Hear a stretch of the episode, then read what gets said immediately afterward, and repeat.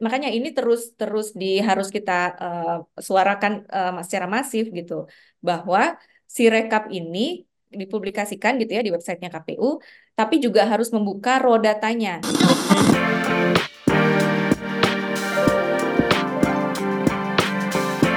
Hai sahabat TCID, kalian sedang mendengarkan podcast Suara Akademia. Ngobrol seru isu terkini bareng akademisi. Pemilu sudah berlangsung coblosannya di tanggal 14 Februari 2024. Um, semoga sih Sobat TCID sudah menggunakan hak pilihnya ya untuk memutuskan kira-kira siapa yang akan terpilih menjadi presiden, siapa ya, uh, yang akan mewakili suara di legislatif gitu, entah di DPR RI, DPRD provinsi, DPRD kabupaten kota dan juga anggota DPD-nya gitu. Tapi permasalahan pemilu tidak hanya soal setelah kita mencoblos nih sobat TCID, ada yang namanya uh, rekapitulasi suara. Dan untuk pemilu 2024 kali ini ada yang sedikit berbeda karena dibandingkan dengan pemilu 2019, 2024 ini ada sebuah aplikasi yang digunakan KPU untuk menghitung dan juga merekapitulasi suara. Nama aplikasinya adalah Sirekap gitu ya. Ini dipakai dan beberapa hari sebelum masa tenang gitu sempat ramai di sosial media uh, dibahas gitu kalau aplikasi Sirekap ini punya potensi menimbulkan masalah baru dalam rekapitulasi, bisa menimbulkan kecurangan gitu. Nah, kita bakal bahas soal ini di Suara Akademia, kita bakal ngobrol bareng sama Mbak Hoirunisa Nur Agustiati, aka Mbak Ninis.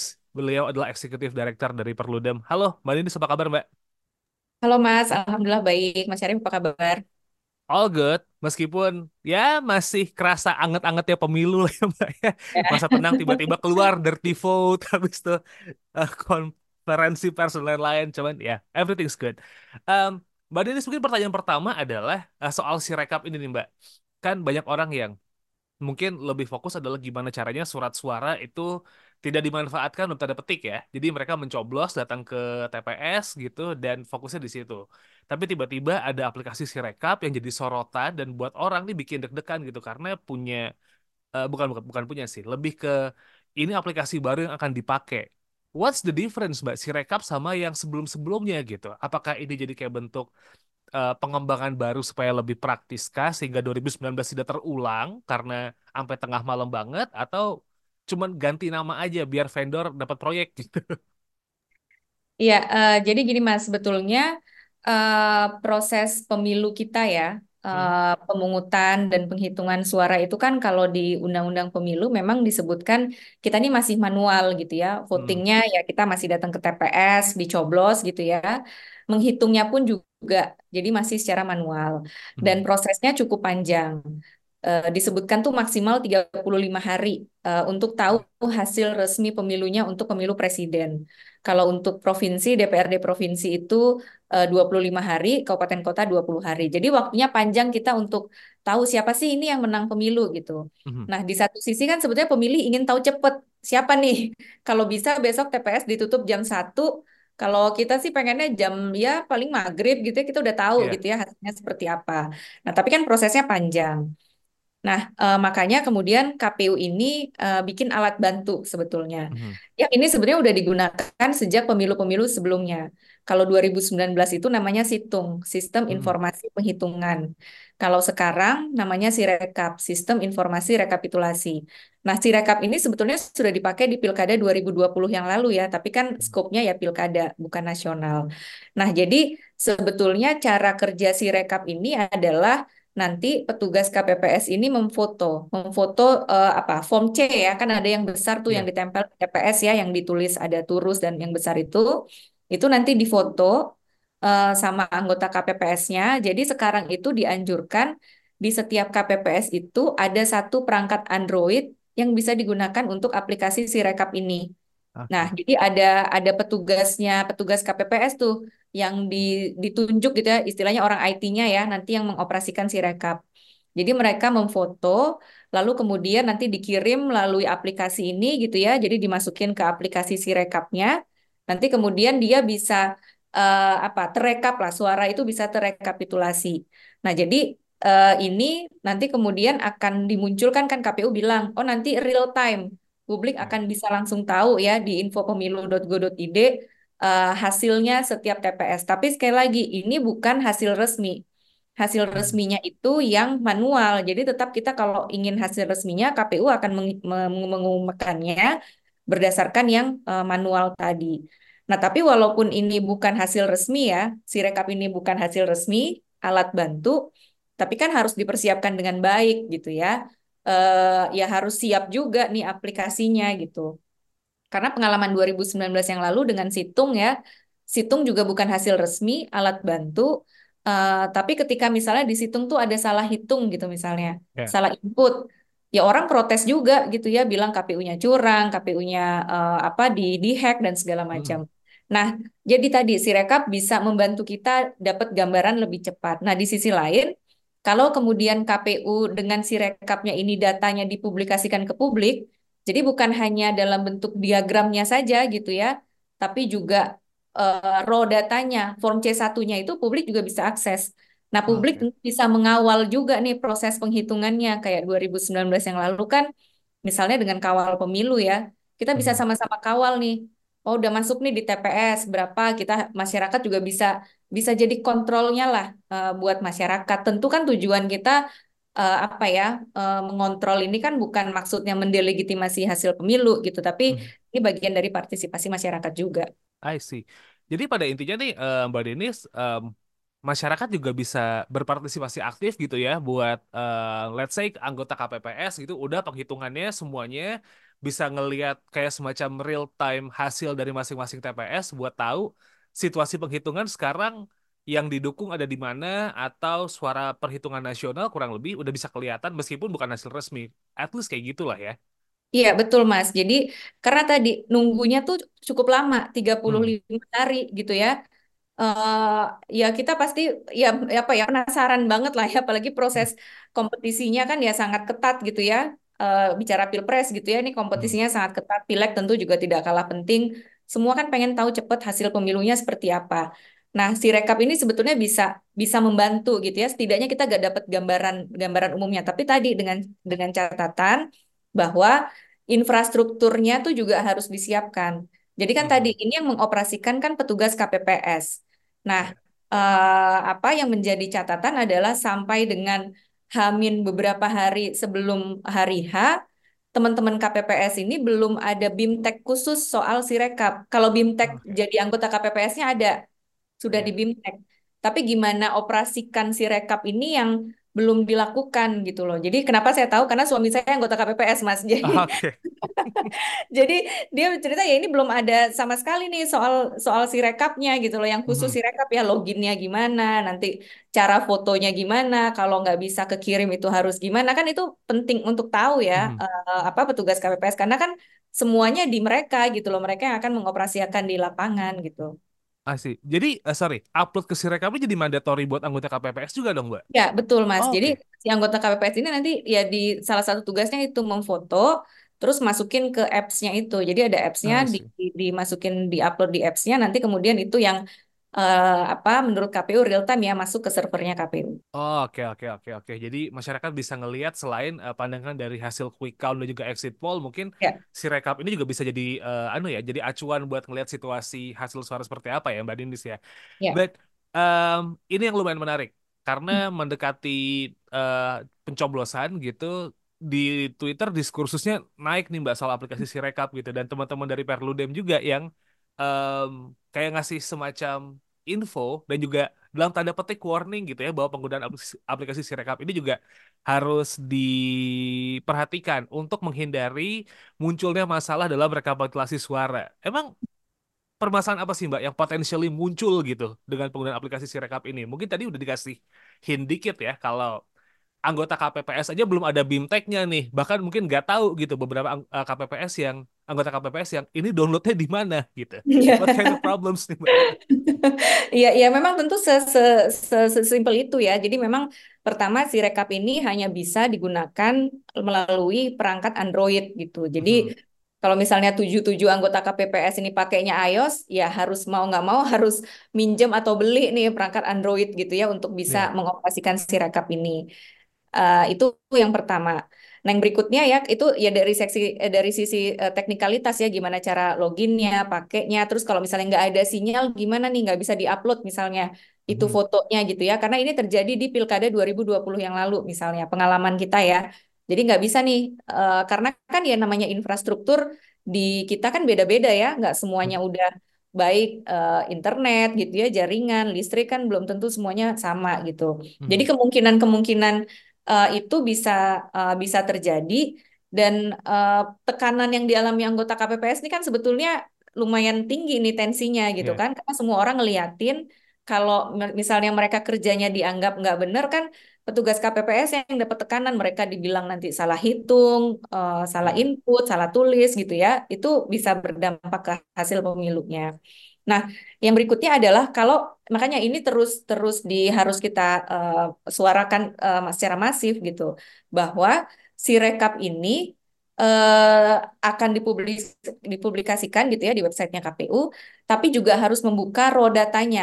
Jadi foto Hmm. aslinya itu juga harus ditampilkan supaya publik bisa ikut mengontrol tadi. Jadi jangan jangan udah dalam bentuk eh, diagram gitu ya, jangan udah dalam Hmm. bentuk eh, analisisnya gitu ya, udah dianalisis seperti itu, tapi raw datanya supaya publik juga bisa percaya dengan proses penghitungannya gitu ya. Hmm. Ini yang yang sekarang ya saya rasa sebetulnya eh, inisiatif dari masyarakatnya juga banyak gitu ya. Kan ada nih, ada kawal pemilu, ada jaga suara, ada jaga pemilu gitu ya. Sebenarnya kan tujuannya sama ya untuk juga Hmm. mengawal eh, hasil eh, penghitungan kita, memastikan suara kita tuh nggak digeser-geser, nggak dicurangin gitu.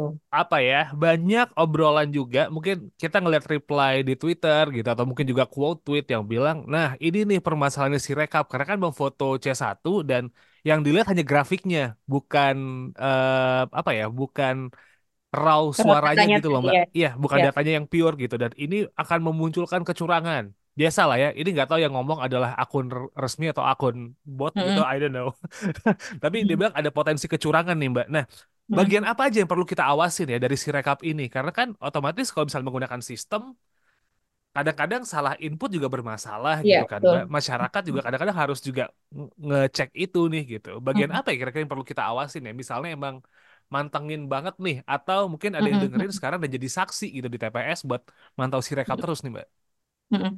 Iya, eh, pertama ya yang perlu kita pastikan adalah ya bagaimana cara kerjanya gitu ya, karena bisa jadi Hmm. foto di misalnya kan dia memfoto ya, memfoto dari C plano, C hasil itu yang tulisan tangan, yang Hmm. mungkin nggak terlalu terbaca jelas gitu. Misalnya eh, 12, tapi mungkin sistem bacanya jadi 72 gitu. Mhm. Nah, ini kan harus harus ada yang ngeliatin gitu loh. Karena kalau nanti di sistemnya 72 naik-naik proses rekapnya kan pengaruh ke proses hasilnya. Nah, Betul. makanya gimana kemudian di aplikasi Sirekap ini juga perlu sebetulnya ada fitur untuk koreksi gitu ya. Koreksi dalam artian ya kalau dia nggak match ya bisa bisa di di apa dikoreksi gitu. Mhm. Nah, itu yang pertama. Nah, yang berikutnya tadi kan tadi petugas KPPS yang memfoto ya, memfoto di TPS langsung difoto terus kemudian dimasukin ke dalam aplikasinya. Nah, kalau kemud kalau pengalaman pilkada yang lalu ya, kalau misalnya itu nggak bisa dioperasikan di TPS, itu eh, karena sinyal gitu ya, misalnya karena Mhm. jaringannya nggak terlalu bagus. Nah, itu di apa diuploadnya di tingkatan yang di atasnya. Oh, Jadi oke. misalnya kecamatan gitu. Nah, tapi tadi eh, apa yang menyaksikan proses di TPS dengan yang di kecamatan tuh biasanya kalau di kecamatan udah nggak terlalu banyak mata yang lihat Mhm. gitu loh. Kalau di TPS kan ya itu terbuka, publik bisa lihat dekat dengan rumah-rumah masyarakat. Kita ya masyarakat bisa bisa ngelihat lah. Tapi kalau udah di TPS kan biasanya semakin tinggi tingkatan rekapitulasinya tuh publik semakin sedikit yang ngawasin gitu ya. Karena Ya. kan ya lebih jauh gitu misalnya apalagi kalau udah di eh, kabupaten kota gitu ya lebih jauh. Nah, ini juga yang yang perlu diawasin sebetulnya ya gimana eh, gimana bekerjanya gitu.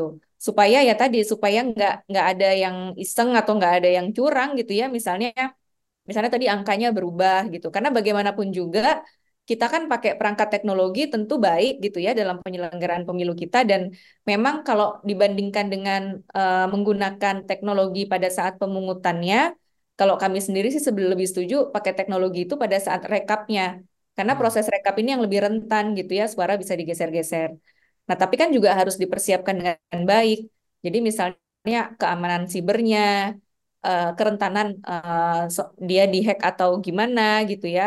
Lalu misalnya ya soal ya tadi ya uh, uh, apa uh, sumber daya manusia yang menggunakannya itu tadi Mas gitu loh dipersiapkan juga ini udah pernah disimulasikan secara masif nggak sih misalnya si rekap itu gitu ya meskipun belum disimulasikan secara masif kalau ngecek di Google Play Store ratingnya jelek banget ya Maya 2,9 iya banyak juga misalnya kayak di medsos-medsos ya teman-teman yang jadi KPPS juga ngerasa gimana nih makainya gitu loh. Ini pas hmm. kemarin beberapa hari sebelum hari H kan juga gimana cara makainya nih gitu. Okay. Karena belum ada bimteknya itu. Ya, uh, penggunaan aplikasinya mungkin uh, sudah dipastikan akan digunakan ya di tanggal 14 Februari gitu. Um, kita akan melihat bagaimana kesibukan para anggota KPPS gitu ya. Belum lagi nanti surat suaranya banyak banget berkaca dari 2019 gitu Mbak yang sampai tengah malam juga meng uh, menjatuhkan korban uh, korban gitu di situ. Nah, untuk masyarakat nih Mbak, mungkin kan hmm. kan kita di TPS itu bisa ngeliat ya bahwa uh, oh ini pelaksanaannya gitu. Mungkin mengamati suara sah atau tidak itu jadi hal yang biasa, tapi si rekap ini juga harus diperhatiin gitu. Ya. Buat khusus si rekap ini sendiri nih Mbak Ninis, langkah apa yang bisa masyarakat ambil gitu ya buat mengawasi proses rekapitulasi suara yang meskipun dianggap um, bukan hasil yang resmi tapi jadi gambaran dari si rekap karena si rekap ini dari KPU gitu. Ya, ya tentu kita sebagai uh, publik ya ini setelah pulang dari TPS selesai gitu ya selesai kita milih ya harapannya balik lagi ke TPS nih uh, di saat proses penghitungan suaranya. Jadi kita betul-betul melihat gimana suara kita ini dihitung gitu ya. Mm-hmm. Dan kitanya juga memfoto. Jadi kalau si rekap itu kan petugas KPPS yang memfoto. Nah, kita sebagai publik baiknya juga kita memfoto juga gitu ya. Kan aplikasi yang dibuat oleh masyarakat sipil kan juga banyak ya, ada jaga suara, kawal pemilu. Uh, boleh dipilih uh, oleh publik ya mau pakai platform yang mana, mau dipakai semuanya juga boleh. Supaya kita sebagai masyarakat juga bisa kontrol gitu loh. Kita juga bisa kontrol uh, proses penghitungannya. Jadi ada si rekap, ada juga yang versi masyarakatnya. Nah, versi yang masyarakat ini tentu juga jangan dinilai sebagai sesuatu yang kemudian mau mendelegitimasi hasil pemilunya gitu ya. Hmm. Tapi ini harus dilihat sebagai bagian dari partisipasi masyarakat untuk mengawal uh, proses ini gitu loh untuk memastikan ya suaranya masyarakat itu ya ya tidak diapa-apain gitu ya. Maksudnya tidak diapa-apain itu nggak dicurangin gitu, tapi dihitung sebagaimana mestinya gitu. Oke. Okay. Um, penggunaan sirekap udah pasti clear, pemilu berlangsung di tanggal 14 Februari um, semoga sih akan berjalan lancar dan penghitungan juga berjalan lancar. Mungkin Mbak Denis ada yang pengen disampaikan lagi kan Mbak mengenai penghitungan suara nih, especially juga si rekap ini kan kita pasti bakal deg-degan ya. Kita juga udah bakal yeah. um, melihat situasi di mana um, partai politik atau mungkin calon presiden akan konferensi pers di tanggal 14 di ISA atau Ah, jam 8 jam 9-an lah ya. Iya, iya. Semoga nggak ada yang sujud syukur dulu sih tapi. Iya. nah ya, uh, ya yang yang yang perlu dipastikan adalah penghitungan hasil resmi itu adalah penghitungan yang manual. Jadi semua pihak ya harusnya ya sabar ya dengan sabar menunggu gitu ya. Memang waktunya panjang, tapi ya dengan sabar menunggu hasil resminya dan apa ya kalau untuk publiknya sendiri ya mari kita kawal bareng-bareng gitu loh proses uh, proses penghitungan dan rekapitulasi ini ya. Kita hitung bareng-bareng kita pelototin bareng-bareng gitu ya. Karena gimana pun juga kan ini suara kita gitu. Jangan sampai suara kita di dimanipulasi gitu ya. Dan memang ada si rekap ada exit poll ada quick count gitu ya.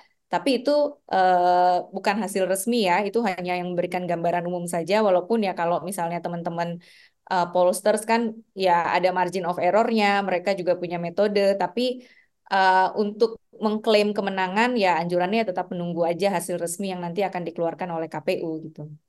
Oke. Okay. Semoga berlangsung aman-aman aja ya sobat ID entah itu mau yang pilpres satu putaran atau dua putaran just wait and see yang penting uh, hak suara dipastikan uh, untuk dipakai jangan sampai uh, menimbulkan dalam tanda petik uh, kesempatan buat berbuat suara karena ada suara uh, sorry ada surat suara yang nggak dipakai. So, it's a wrap for this episode. Mbak Ninis, thank you so much Mbak. Udah menyempatkan waktunya buat ngobrol. Sehat-sehat terus dan lancar-lancar dan sukses buat Perludem ya Mbak Ninis ya. Baik. Alright. You're welcome. Kita ketemu lagi di next episode Sobat Isi ID. Um, selamat melanjutkan aktivitas. Kalau begitu, I'll see you next week. Wassalamualaikum. Kalian telah mendengarkan podcast Suara Akademia. Ngobrol seru isu terkini bareng akademisi.